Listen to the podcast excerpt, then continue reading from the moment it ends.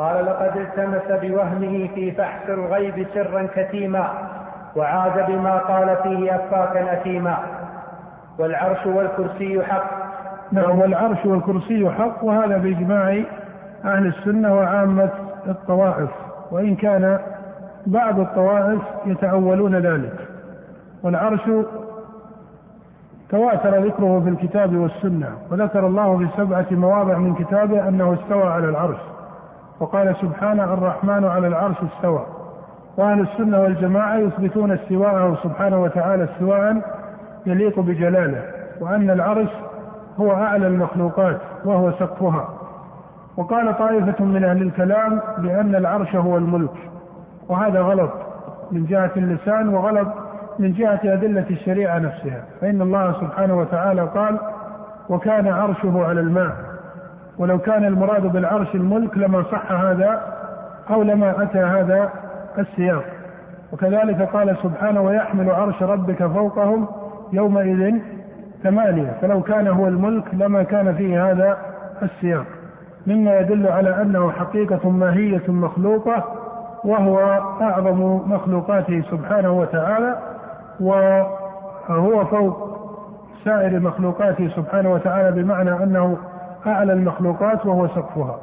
وقال طائفة من المتكلمين إنه مستدير لأنهم جعلوه فلكا والإجماع منعقد على أن سائر الأفلاك مستديرة وإنما النظر في كون العرش فلكا بل ظاهر كلام أهل السنة المتأخرين وإن كان متقدموهم لم يفصحوا بتفصيل في ذلك لكن ظاهر كلام المتأخرين أن العرش هو كالقبة فوق العالم وأنه ليس مستديرا من كل جهة نعم. قال وهو مستغن عن العرش وما دونه محيط بكل شيء وفوق. وكذلك الكرسي وهو المذكور في قوله تعالى وسع كرسيه السماوات والأرض وأجود ما جاء في تفسيره هو قول ابن عباس رضي الله تعالى عنه الكرسي موضع القدمين لله سبحانه وتعالى وهذا الجواب المأثور عن ابن عباس هو الذي عليه أكثر أهل السنة. والذي عليه أكثر وعامة أهل السنة والحديث فإنهم يذكرون في تفسير الكرسي ما نقل عن ابن عباس وأصحابه وهو المأثور عن جمهور السلف. نعم. قال وهو مستغن عن العرش وما دونه محيط بكل شيء وفوقه وقد أعجز عن الإحاطة خلقه. نعم. أي أنه محيط بكل شيء سبحانه وتعالى وأنه فوق كل شيء كما جاء صريحا في كتاب الله يخافون ربهم من فوقهم وفي قوله سبحانه سبح اسم ربك الأعلى. والله سبحانه لما ذكر استواءه على عرشه ومن معنى استوائه علوه عليه ومن معنى استوائه علوه عليه. فإذا كان عليا على عرشه فإن غيره يعني غير العرش من المخلوقات من باب أولى. والعرش سابق في الخلق للقلم.